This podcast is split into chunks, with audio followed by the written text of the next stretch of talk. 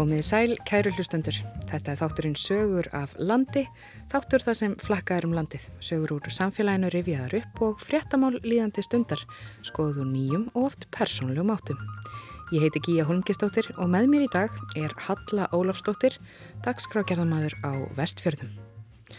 Við fjöllum um síningu sem verið er að setja upp við Reykjanesvita, þar sem fjallaverður um sögu vitans og sjóslis sem hafa orðið á svæðinu eins og ég segi aðalmarkmið er fyrst og fremst að vekja áhuga á þessu sögu og, og aðtegli og með vonum að við getum síðan haldið áfram.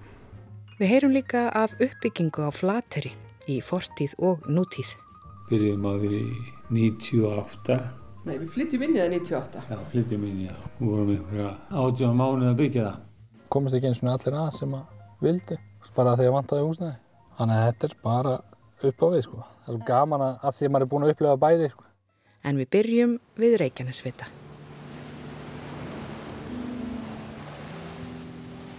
Fyrsti vitum var þarna upp á Valanúk og, og hérna svo fór hann allur að reista stil í jarðskjöldum og, og fara að brotna úr berginu. En þetta er sérstaklega endurinn á hæsti punkturinn á Reykjanesregnum sem liggur hérna út í sjó. Já, þarna upp á þessum hjá? Reykjanesregnum liggur og kemur hérna upp þannig að þess, þetta, þetta, já, þessi, þessi núkur og þetta er, er svona endin á honum. Já. Svo sér maður hérna úti, er þetta eldegi þarna já, úti í uh, fjerskanum? Já, þetta er eldi. Sem að Elli Viljóns er skýrð eftir. Já, einmitt. En við skulum kíkja hérna inn í þetta, þetta vélarhús hérna þar sem að síningin verður sett upp. Já, hérna er skjól hérna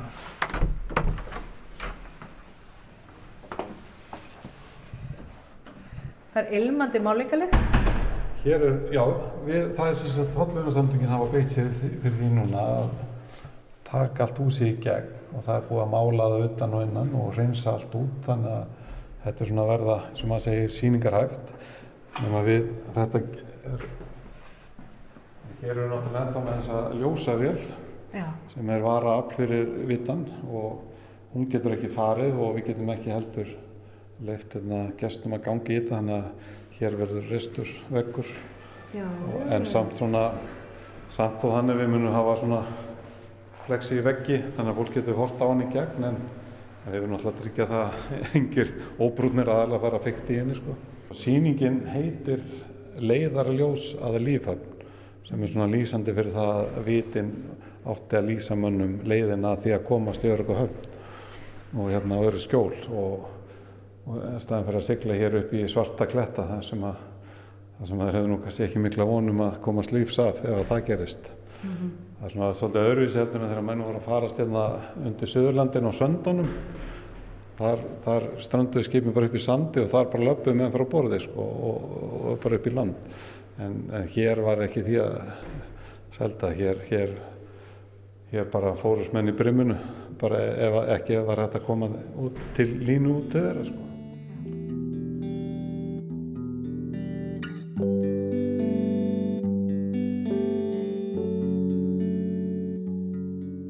Eirikur P. Jörgensson heiti ég og er hérna, ég er sem sagt síningarstjóri og hönnuður að síningu, nýri síningu um sögur Reykjanesvita og, og sjósleysa hérna á Reykjanesinu og reyndar sjósleysa um all land en þetta er svona, við erum að byrja svona, hvað við segja, vonandi sem verður stórfasta síningu um, um þessa merkusögu. Þetta er sem sagt samfunnverkefni hjá hotvinnasamtökum Reykjanesvita og Nógrænis sem að hérna voru stofnið hérna fyrir nokkrum árum sem er að setja þetta upp í samstarfi byggðarsamni í Reykjanesbæ. Þetta er svona sammeilnett verkefni með og það hafa fengist í þetta styrkir annars vegar úr safnasjóði og, og svo uppbyggingasjóði hérna á sveðinu sem er, er runni svona uh, já, sem að gerir runni þetta kleift, þessi styrki gerur okkur kleift að setja upp þessa síningu sko núna. Já. Við erum stöðt hérna í húsi sem er rétt hjá vitanum. Þetta er, hérna við hlýðin á þessu húsin sem við erum í, er eins og þess að gamla hús vita varðarins. En segð okkur, hvar erum við stöðt akkurat núna? Við erum í húsi sem er kallað Vélarhús Reykjanesvita, sem var nú bara svona vinnuaðstafa og hér er staðsett ennþá ljósavél sem er gripið til, sem var aflega að rafmagnin fer og hér var bara vinnuaðstafa vita varðar og annað sem að hérna sem að þurfti á að halda því að menn verður að vera sjálfbjörga hérna í, við vitan það var ekki, það var ekki hérna menn voru ekki snöggir að skjótast út í búð hérðan á sínum tíma eins og kannski í dag. Uh, maður heyrir aðeins svona í vindinum, það er pínur rók á Reykjanesinu í dag, uh, við erum hérna stöldnefnilega på lofti á þessu húsi, það bergmálaði svo mikið þarna neyri síningasölunum sem eru tómir núna, en hvenar uh, mun síningin, já allir gripir og allir munir sem þú ætlar að hafa, hvenar verður þetta tilbúið? Við ætlum að opna hérna svona formulega opnum 15. oktober, það er svona förstu daginn áður en að hér verður haldin safnahelgi á Suðunisjum þegar öll söfn og menningarsetur hérna á Suðunisjum opna, opna dittnar og bjóða gesti velkona og, og við erum að vonast til að fólk nýti þá helgi til að taka rundinga út að Reykjanesvita e, inn á þetta já, stórmerkilega svæðirunni og, og magnaða og þannig að fólk fá aðeins að kynnast þessari sögu og, því sem við erum að áalla að gera í framtíðinni. Þetta er svona hugsað hugsa, eins og ég segja sem sem byrjun. Vekja líka aðdegla á þessu sögu sem er sem að, hérna, er öllum holdt að munna og hérna, sem betur fyrir enn og þannig í dag að sjósleysir og nafar fátíð uh, og eitthvað sem að gerist hérna nánast ekki bara sem betur fyrir en þau voru langt í frá fátíð hér áður og sérstaklega síðustöld og raunir bara í síðustu aldir en, en, en hérna, þetta er gríðarlega fórn sem þjóðin færði og sjómennin færðu og, og okkar hvað við kalla okkar stríð eða bara að við ægi konung tók sinn toll, það er geta nýnda því. Og mér finnst bara rétt að við höldum því á lofti og minnust þess Og einmitt sjóslýsa sagan er, er svona þráður sem að þú ætlar pínu að draga fram og eitt herbyggi verður svolítið tilengað því og það hafa nú verið, já þó nokkuð mörg sjóslýs á þessu svæði við Jón Forseti fórst hérna í grendinni og um, Hvernig, hvernig ætlar að draga fram þessa sögu í, í, í, þessari síningu?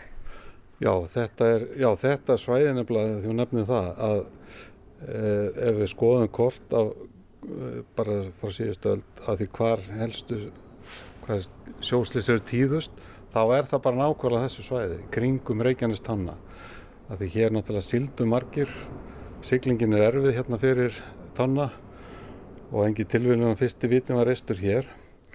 En við ætlum svona, og hér var það eins og segi Jón Fossetti sem var uh, markaði nú mikil þáttaskil í, í hérna, slesa, okkar slesasögu og upp, upp á því spruttu hérna, samtök í börgunarsveitir vannað, menn sáu þetta var mjög afdreifaríkt og skjálfilitt slesögn þess að skipið veltist hérna um fyrir utan í öldurótinu og menn horðu frá landi á skipirinu borð en það var ekki að hjálpa þeim, veist, þeir bara fórust.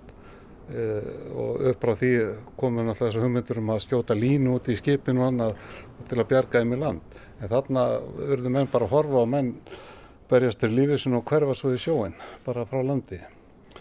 Hér undir Valanúk sem að þar sem fyrstu vitum reistur það er eitt mannskeiðasta sjóslið sögunar þegar á oljöskipi Klemfost hérna 1950 þannig að þetta, þetta svæði hérna býr mjög óhugnarleiri eins og við getum kannski kalla óhugnulegri það er að auki sko. Já.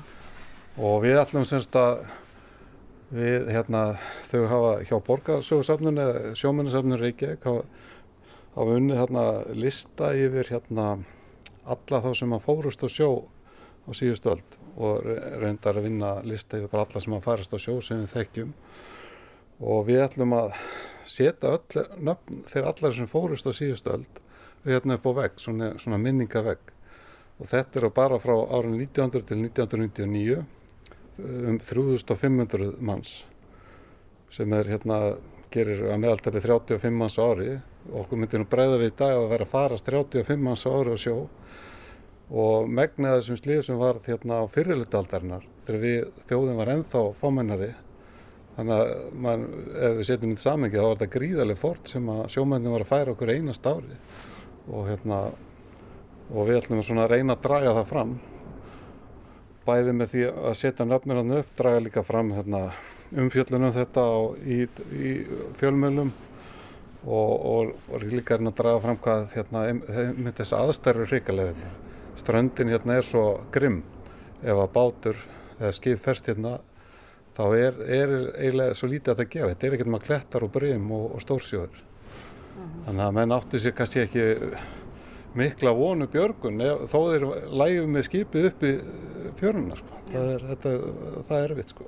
Þú dregur auðvitað þarna upp mynda því af hverju í rauninni fyrsti vitin á Íslandi er byggður hér. Þetta eru erfiðar aðstæður. Segðu mér aðeins frá uh, upphafið þessara vitabyggingar og aðeins svona sögu vitans. Já, það var sko, þegar það fer svona líða á, á 19. öldina, þá komum við svona fram um 1870, þá er, er svona vaksandi stjætt kaupmanna hér á Íslandi sem er eiga aðsettur hér og þjóð, þjóð hérna, já, hvað Íslandingum er að fjölgað, það er að vera til meira þjættbíli hér eins og í Reykjavík annar staðar og kaupmenn vilja fara að sigla hérna reglulega því að hér sildu engi skip á veturnar.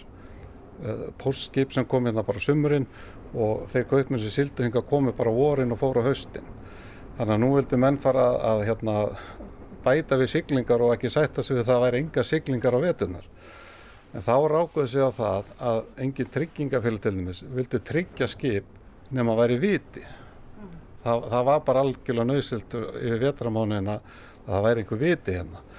Og þess vegna fóru menn strax að stað bara þegar Íslendinga fengur svona uh, sjálfstæði fjármálum eftir 1874 að fóru bara að stað sem sagt að, að, reyna að finna leiðir til að reysa hérna vita. Og það svona blasti við að það varð að setja vita hér á Reykjanestanna vegna þess að langlegasta siglingar, öll skip sem var góða siglandi frá Evrópu komu þetta voru að fara til Reykjavíkur.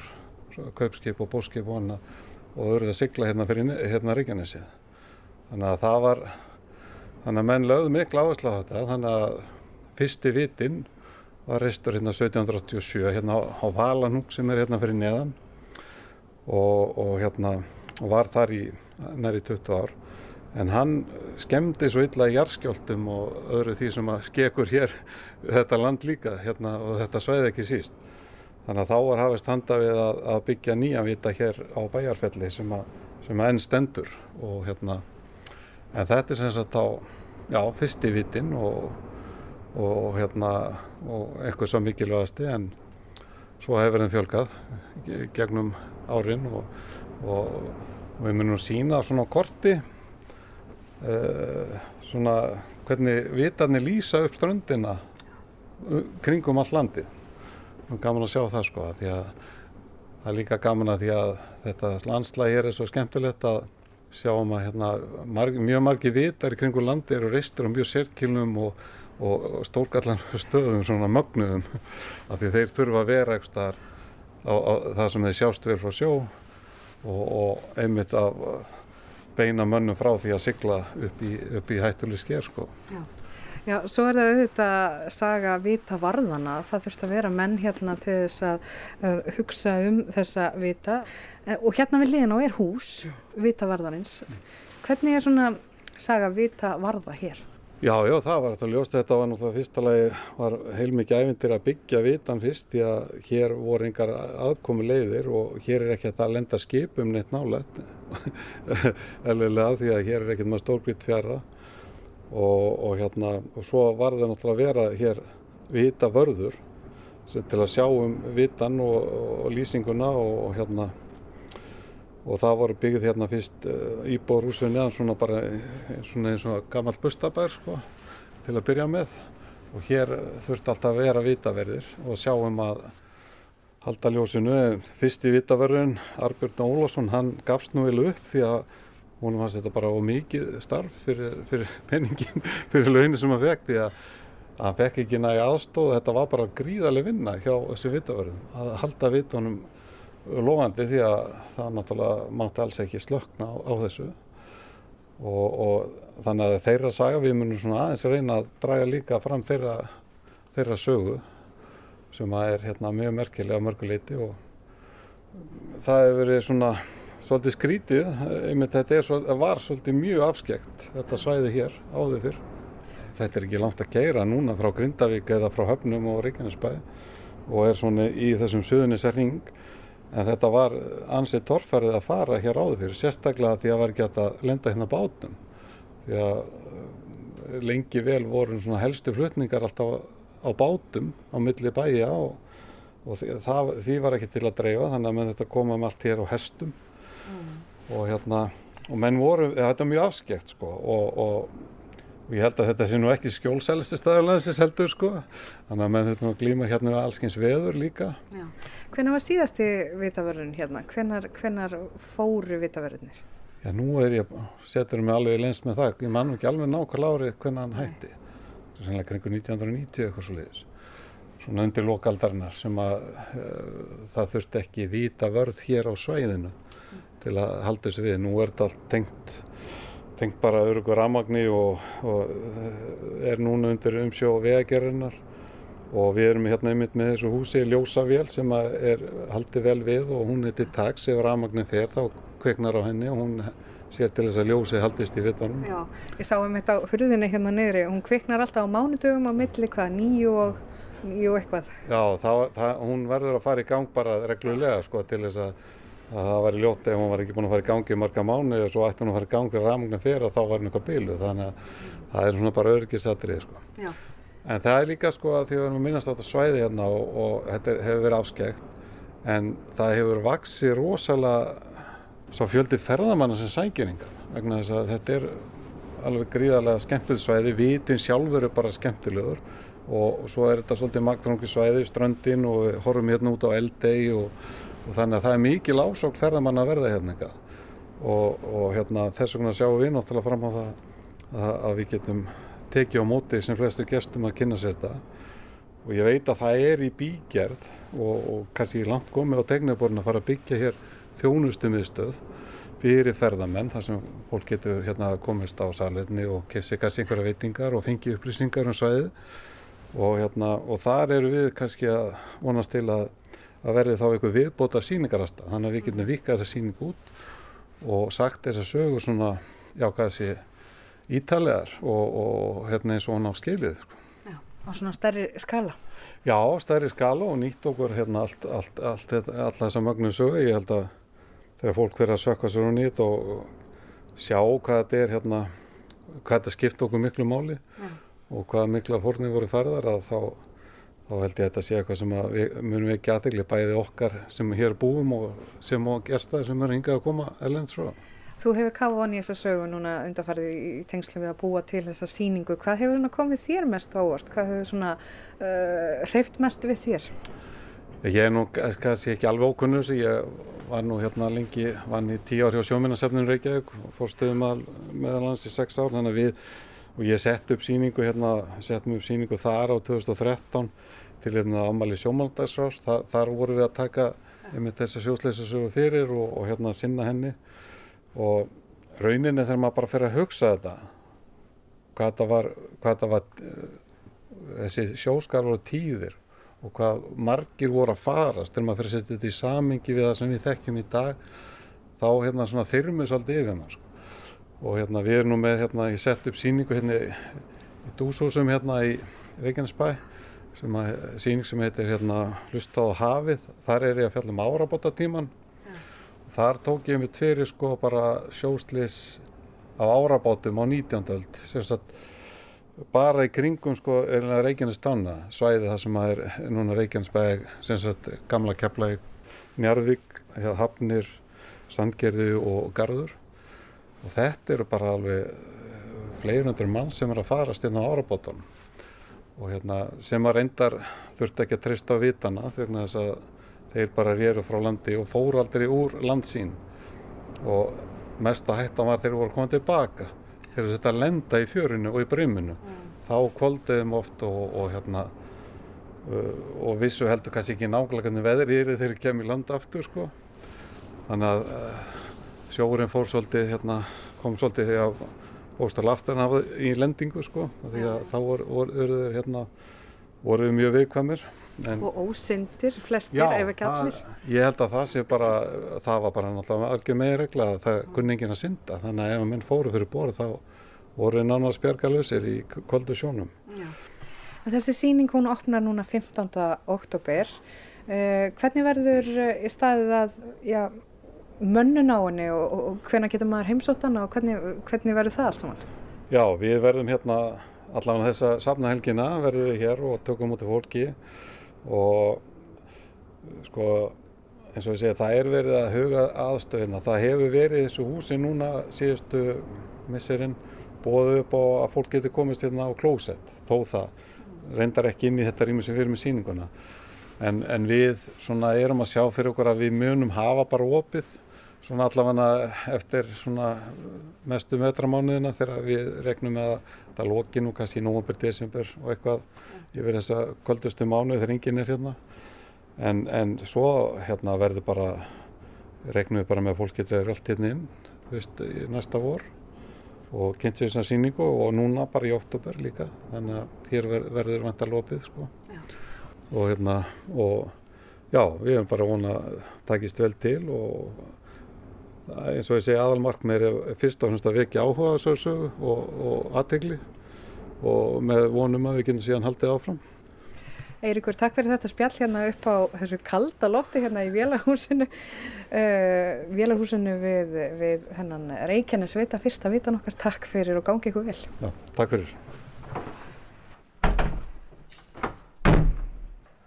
Við skellum í lás á Vélarhúsinu við Reykjanesvita og færum okkur vestur á fyrði. Nýlega bárust fréttir af því að það ætti að byggja í fyrsta skipti ný íbúðarhús á Flateri við Önundafjörð síðan 1997. Húsin eru stúdendagarðar fyrir Líðháskólan á Flateri. Halla Ólafstóttir fekk Magnús Einar Magnússon íbúa á Flateri í rölt með sér um þorpið á hráslegalegum höst degi. Hún hitt hann fyrir utan heimiljans í Ólafs túni á Flateri.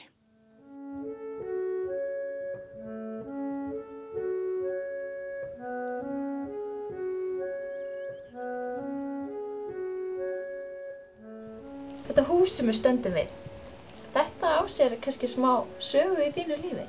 Já, má segja það. Mamma og pabbi kaupa það snemma 95 og svo lendur það í snjóflöðinu í oktober 95 og þá flytjum við úr því.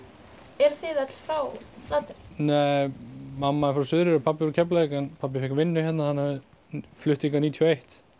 Þannig að við erum búin að búa hérna nokkur stöðum áður við þau kaupa þetta. Kannski lýsra aðeins hvar við erum stödd svona í miða við fjallið og þorpið. Við erum svona skollar, kviltar megin er þetta að segja ef við ættum eitthvað að miða svona út frá snjóflóðunum. Við erum alveg við vikl, bara næsta húsliðin á kirkjugarðinu. Einst í ólastununa neðanverðu. Þið voru nýflutt hérna 95. Já, Var þetta hús rýmt já, í óverunu Já. í oktober? þetta var eitt af, það var ólastunni rýmt, þannig að við vorum komin á annan stað. Áttum upp að, að vera í húsi á unnastignu sem endaði svo að fara í snjóflóðinu. En það breytist þetta nóttuna og fengum við annað hús, fólk sem var veðut eftir Ísafjörði. Hlift okkur í húsi sitt sem við vorum í. Hvað varstu gammal 95? Ég er sex ára. Já. Varstu eftir þessu? Ég mundi alltaf eftir svona látum, úst, að vakna nóttina með eitthvað svona þvíri glæti og ég vissi samt aldrei hvort það var eitthvað sem ég hafði búið til. Ekki fyrir núna í janúar 2020 þegar ég upplifði þetta aftur þessi læti að þá vissi ég að þetta hafi verið snjóflóði sem ég vaknaði við. Þannig, og svo man maður bara svona smottir í eftir að farið niður í mötun út í Kams þar sem var svona hjálpar, fjöldi hjálpar mistuð og, mann þegar þyrlirna komu en ég man ekki alveg alla tímalínuna sko. Nei. En húsið ykkar, það voru húsina í Ólafstúni sem að örðu fyrir stóra flóðinu 95. Já, meðal annars þetta. En það er stift loftplata í því, þannig að það er alveg ekstra stert. Og líka var þetta beint fyrir ofan hús úr timbri. Og það er, er manni sagt að höggbylgjan á undan flóðinu hafi rauninni sprengta og braki lendi ofan á þessu. Svo kemur snjórin hann að svona varðiða fyrir því að það færi snjórin um alla glugga. En það kom inn í stofuna og út úr stofuna að neðanverðu og flætti hérna svona aðeins inn ganginn það sem herbyggin eru. Já. En hvað varðum húsið þá? Fluttuð þið aftur í húsið eftir snö? Nei, við fluttum aldrei það aftur. Það sem pappi hefur sagt mér, það var það eiginlega ónýtt. Það var náttúrulega stóð tómt lengi, frost brakk allt, alla lagnir og allt. Og við flytjum annað hérna niður á Eyri. Fengum fyrst þarna sumabústað sem var settið svona tímabundið fyrir fólk sem að misti húsin sín. Svo flytjum við annað hús hérna niður frá, svo minnum við að þessi 97 sem að er einstaklingur sem kaupir þetta á og gerir það upp. Já. Og það var alveg tekið, sett nýtt það og bara allt. Var þú veist, nærði að vera ónýtt heldur en eitthvað annað sko.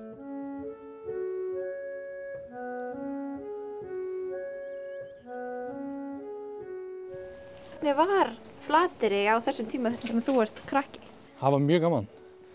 Þetta var allt öðru sem það er í dag.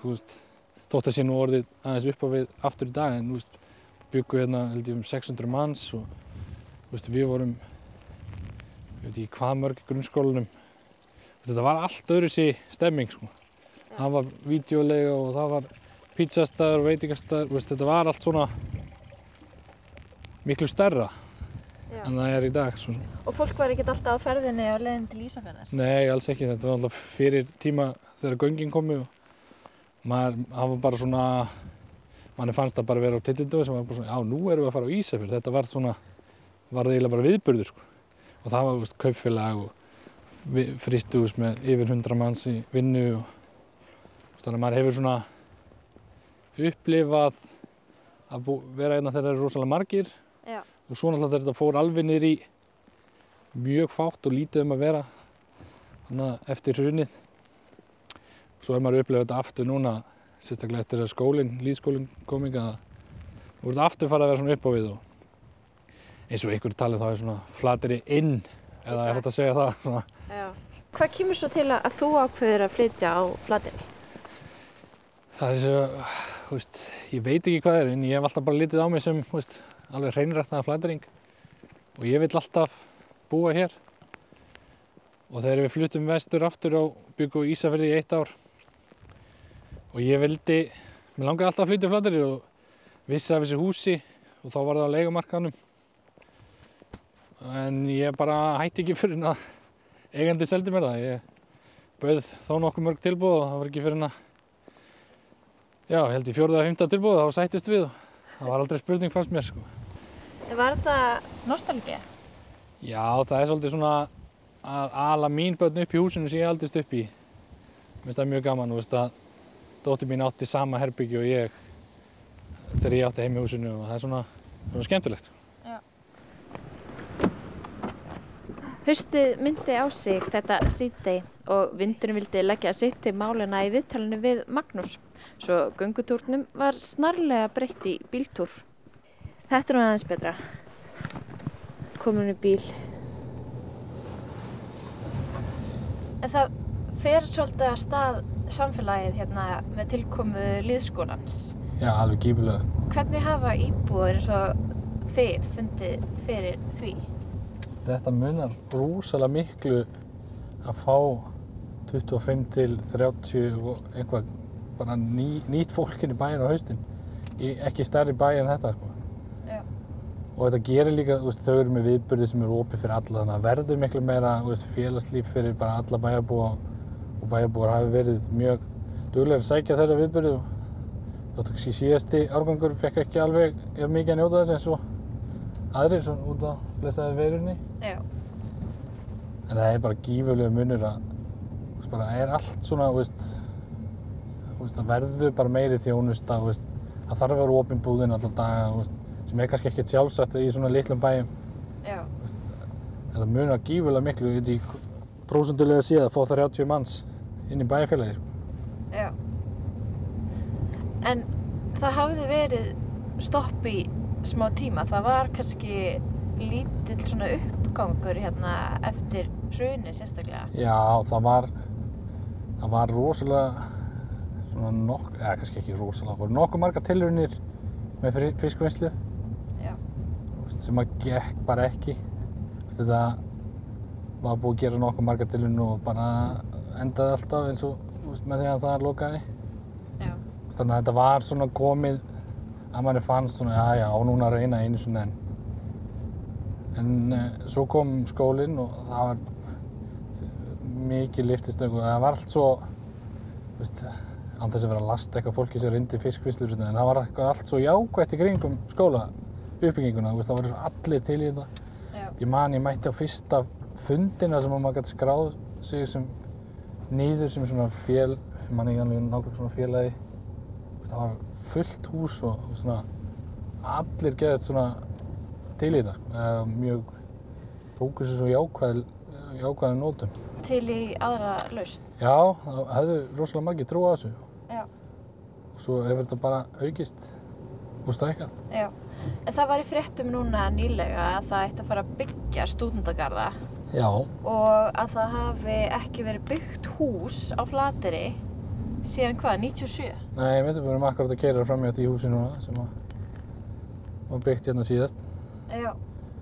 Þannig að það er, veist, það er ei- eitt svona í viðbót svona sem að gera rosalega mikið fyrir bæinn, að fara allt inn að sjá bara iðnaðmenn að, þú veist, gera grunn og, veist, byggja hús hérna er, veist, fyrir mig sem er búin að búa hérna þó nokkuð lengi að, og upplefa þessar sveiflur, núna finnst manni að við vera, að fara bara ennþá herra upp í að, þessu eh, uppsveiflunni, sko. Að vera að byggja hérna hús fyrir, fjó, með 14 íbúðum og mögulega fleiri, það eru einhver hugmyndur um að gera fleiri hús. Það eru aðlar sem vilja byggja hérna íbúðir, Já. Raðhús að lengi. Eitthvað svona sem að maður, maður djókaði kannski í vinahóðnum bara, heyrðu, við- nú ætlum við að byggja, við byggjum bara. En það var alltaf talið bara, þú veist ekki bara byggja flatir, var, úst. En svo er þetta allt innu bara, er það bara mjög sniðut held ég í dag. Það er ekki hægt að aka fram hjá íbúðurhúsinu sem var síðast byggt á Flateri án þess að koma þar við. Við skiljum við Magnús í smá stund og böngum upp á í húsinu við grundarstík. Ég heiti Bjarnhjör Ívarsdóttir. Og ég heiti Guðjón Guðmundsson. Þetta hús sem að við sitjum í, hver er sagan á bak við þetta hús? Þetta er nýjasta húsið á Flateri eða var byggt síðast? Já, já, byrjum að því 98. Nei, við flytjum inn í það 98. Já, flytjum inn, já. Við vorum einhverja átján mánuð að byggja það. Var það ekki? Jú, þú varst átjá mánuð. Já, þú byggði það, Guðjón. Þú ert smiður. Já. Já, það var svo leiðis. En það sem kannski fáir vita er að næst yngsta húsið á Flateri var líka ykkar hús, ekki satt? Jú, jú. Við byggðum það upp á unnastík 1981, tókum við grunninn og flytjum inn í það 1984 og byggum í því í tíu ár þegar snjóflóðið tók það Já.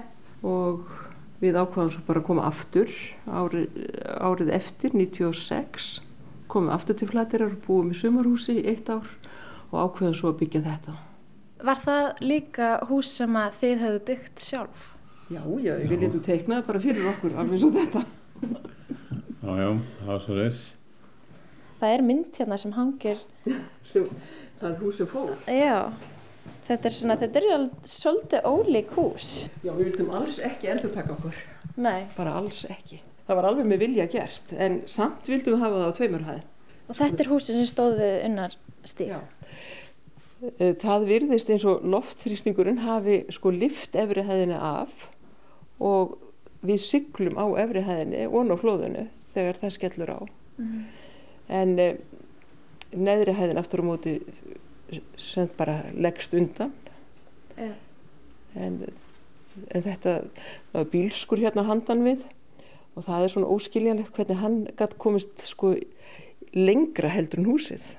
Það er eins og hann hafi farið fyrst því að þakið á honum það var komið miklu lengra heldur en húsið sjálf eða efri hefði fór hjá okkur Nei. en við, við eigum ekki svör við því sko. Nei.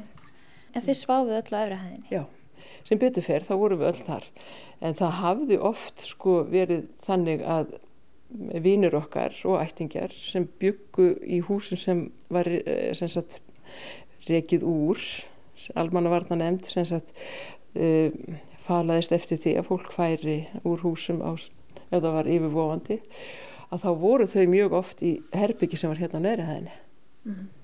en í þetta sinn þá var enginn sem betur fer Sem betur fyrr. Við heyrðum einmitt í upphafi viðtalsins við Magnús að þessa örlaðaríku nótt á Flateri hafði fjölskylda hans ætlað að dvelja í Herbergi í húsi við Unnarstík. Húsinu sem við heiða erum að skoða myndaf upp á vegg. Hér er Magnús aftur. Það var þess neðri hæn á því húsi sem að herbyggið sem við áttum að fá að vera í var. En bróðurinn og mömmu, hann bjóði hérna þá og vínur hans átti annað hús og hann kom staðið að mæli við þetta eftir á Ísafjörði þannig að við fengum bara þeirra hús og vorum bara þar. Þannig að það er rosalega stutt á milli. Þú veist, ef að þau hefðu til dæmis komist frá Ísafjörði þá hefðu við ekki getað farið í þetta hús og það hefðu verið hérna neðri hæn. Þetta er svo, línan er svo rosalega lítil hann á milli. Við höfum ekki alveg sagt skilið við Guðjón og Heiðu við grundarstík. En var þetta auðveld ákverðin að ákveða að, að byggja aftur? Nei, nei, það var ekkert sjálfgefið, en það tókst.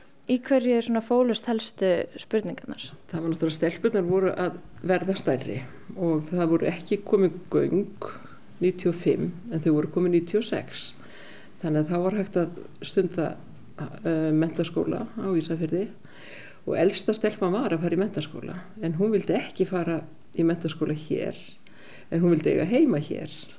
Og, og hina stelpunar vildu það líka og við vildum í sjálf og sér ekki að náttúran sparkaði okkur heldur vildum við taka þá ákvörðun bara án þess ef við vildum flytja þannig að við komum tilbaka og, og gáum okkur eitt ár áður en við fórum að byggja hvort að við vildum búa hérna áfram og það var bara ákveðið að við vildum það Þið gáttu þá byggt hús sem að, var eftir ykkar ein höfði. Munið þið hvað ykkur fannst skipta máli fyrir þetta nýja hús? það breytist nú mikið á byggingaferlinu því að fyrst ætlum við bara að búa til eitthvað lítið og einfalt hús svo þróaðist það bara í það að sami e, arkitekt og teiknaði hitt húsið teiknaði þetta fallega hús fyrir okkur og það var svolítið meira í, e, já, um sig heldur en það átt að vera Hvað, mást þú Guðjón, hvað þú hugsaðir þegar þú fórst í að byggja þetta hús? Hvað þú vildir fyrir þetta nýja hús? Nei, ég held að þetta hafi nú síst svolítið miklu máli að við vorum fimm í sumabúrstæðinum eða einu meginu göduna sem var ekki nema 50 fermetrar. Þannig að það þurfti allir meira pláss. Þóttu stelpunna væri að eldast og, og kannski væri ekkert að fara að vera hérna það lengi. Nei, það var alveg fyrir sér að sko, þær myndu jafnvel fara í me- menntaskóla annar staðar. En þær myndu alltaf koma heim á sömurinn og, og vildu að heimilið þeirra væri hér. Og við hefum þá alltaf geta farið bara aðeins ef þannig hefur komið upp. En við erum hérna ennþá. Það er svoleiðis maður vonaði alltaf að fleiri myndu byggja og, Já. og koma en, en þetta er allt saman því rétt átt núna Já, það er að verða breytingar á. Já, Hvernig líst ykkur á, á áformun sem eru núna um að byggja til dæmis stúdendagarða með fullt af nýjum íbúðum?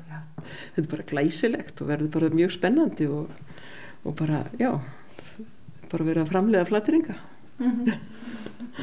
Þannig að ég held að það sé bara sko blómlegi tíma framöndan. Já. Við kveðjum nú Heiðu og Guðjón og höldum áfram á rundunum með Magnúsi. Og hérna á hægri hönd, hérna verða stúdendagarðanir, Já. það ekki? Jú. Og hefur þetta alltaf staðið aukt, þetta tún hérna? Já, þetta alveg frá því ég mann eftir mér, ég veit sem hvort það var einhvern tímann húsinu en, en þetta hefur staðið aukt Já. frá því ég flutti hingað og mann eftir mér sko. Maður pældi aldrei í þessari, þegar það fóru að hugsa um já það verður að byggja nefndagarða þá, maður pældi aldrei í þessari lóð. Nei. Veist, þá sá maður kannski fyrir sér í kringum húsnæði sem að nefndagarðin eiga í dag, gamla ellheimilið. Það væri kannski einhver stað þar í kring, svona samtengjað eitthvað en ég held að þetta verði mjög flott hérna. Og bætir ykkur við bara bæjarmyndina? Já, einmitt. Við erum búin að sjá einmitt teikningar af hvernig það mun líti út. Þetta verður mjög, mjög spennandi. Já. Hvernig er til dæmis samfélaginu? Þú talar um að það hafi verið aðlandi þáttur í því að, að þú vildir sjálfur búa hérna. Er þetta ekki samt þannig að, ábyrðin er að fá um höndum eða hvað? Jó, það er, þetta er svona kjarni svona sem að, þú veist, þess að við tala bara fyrir okkur í björgunarsveitin hérna sem ég er formar í, veist, þetta er miklu frekar að okkur finnist við, ef ekki við þá gerir þetta engin annar. Þetta er svona verður svona samfélagslega skilda finnst okkur, með að við aðrar kannski í sveitir fyrir sunna, það er þetta svona félags, þú veist, vilja taka þátt og eitthvað. En hérna snýst þetta um það svona að ef við gerum þetta ekki þá gerir þetta engin annar. Halda hjólunum ganga. Já, Og finnst þér það ekki erfitt sem bara ungur einstaklingur í þorpunni að bera strax svona mikla ábyrgð? Mm, Nei, mér, veist, mér finnst þetta bara gaman sko. Það er svona partur af þessu, þetta er, en þetta er svona, það eru allir alltaf til í að gera samt allt, þú veist, ef það þarf að redda einhverju eða eitthvað, þú veist, það er ekki það, þetta er bara hérna einhver lokaður hópur sem þarf að sjá um allt. Þú getur alltaf, það stendur eitthvað til, þá bara ringir þú bara, það kom allir aðstofa, sko. Það er alltaf allir til í að gera allt, sko. Það er svolítið þessi svona smábæjar menning svona sem að gerir það og líka það eins og þegar lokast þetta vegurinn yfir Ísafjörð í einhver tíma brauðið búið í búðinni það var bara bakað. Og selt brauð, þessi er bara reddað. Veist, það er eitthvað svona erfitt að finna eitthvað eitt orðið yfir þessa tilfinningu. Það er bara þetta allir ég held að sé örugglega allir með þessa sömu tilfinningu ég gagvert ég að búa hérna. Og þess vegna vilja allir svona halda þessu eins og þetta er, veist, þessi sérstaka tilfinning. Þannig verður líka tryggðin til. Já, veist, ég held að það eru fullt af fólki sem getur séð fyrir sér að búa hér og vinna bara þá í sínu, sínu eh, business Já. en það vantar bara húsnæði. Það er Er setið um allt húsnæði hérna? já, það er held ég eitt á sölu núna, nei, tvö, Þetta er breyst á stuttum tíma. rosalega. Fólk vil koma eitthvað, sko. Já. Það bara vantar húsnæði. En náttúrulega, ég er nokkuð vissum að það hefur feringin í þetta skref að græja húsnæði nema að verði eitthvað lagaði snjóflóðvarnirnar. Þú meina bæði fyrir bæin og veginn? Já, maður skilur það ef eitthvað ef ef fyrirtæki að fara í eitthvað uppbyggingu hérna ef það lendir í að það sé svo loka kannski fimm dagir röð það, sér bara sjálft að getur ekkert haldið einhverjum rekstri þannig sko. Hvaða áhrif hafði síðasta snjóflóð á fólkið hérna á flatir sem býr hérna núna? þá sem upplifði snjóflóðu 95 held ég hafi þetta verið ennþá verra. Að þetta svona reif, reif upp gömul sár. Þú veist, þetta var nógu óþægilt eins og fyrir mig bara veist, man ekkert eftir þannig séð öllu í hinum flóðinu. En bara allt sem gerðist núna var nógu óþægilt fyrir mig eins og ég veist. þetta var svo mikið svona maður bjóst alls ekkert við þessu. Trausti var það mikið á görðunum. Og, veist, þeir gerðu náttúrulega helling þeir björguðu náttúrulega að bærin hefði rústast endarlega ef að þeir hefði ekki verið með þetta flóð sem fór niður í höfnina. Ég er búinn að sjá svona tölvu líkan hvar það hefði endað ef að garðurinn hefði ekki verið. Veist, þá værum við líklegast ekki að ræða saman enn dag. Veist, að- að það er ekki hægt að segja að þeir hafi ekki gert neitt en þeir gerðu ekki það sem allir heldu að þeir myndu alltaf halda sko.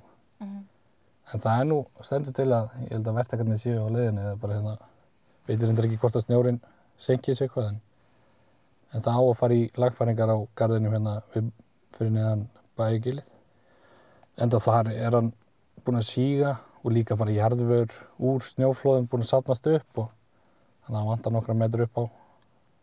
Maður vildi náttúrulega hlutinir gerist hraðar varandi verja höfnina og, og veginn en þetta tekur alltaf sér tíma og maður þarf að maður verður bara að trúa því að það sé verið að vinna í. Já. Þrátt fyrir þetta áfall þá virðist flateri á mikilvæg siglingu. Já, þetta var náttúrulega farið strax í bara að útbúa nýja rýmingar áallin þannig að núna treystu við henni bara.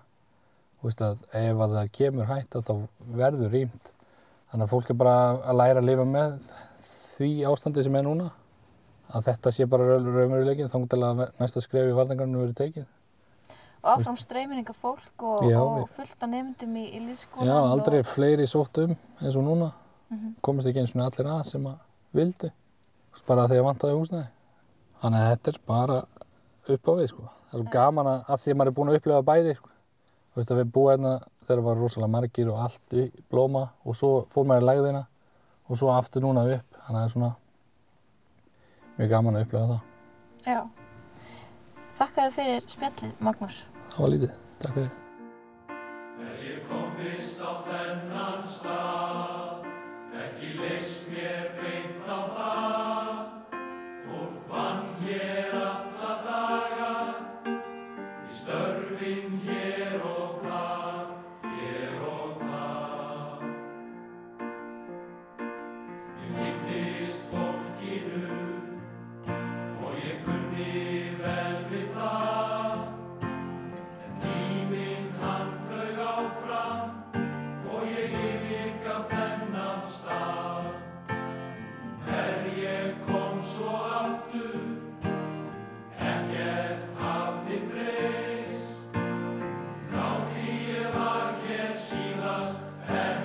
Amen.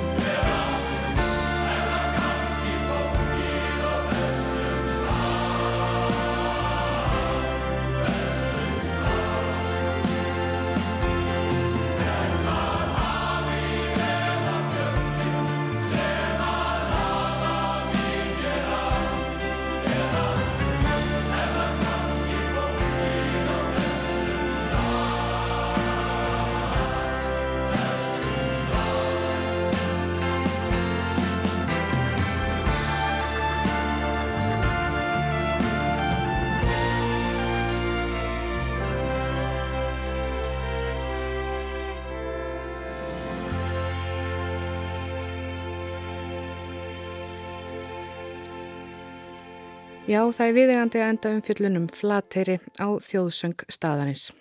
Hafið eða fjöllin, lag og texti, Ólafur Ragnarsson. Og þá er komið að lokum hér í sögum af landi í dag.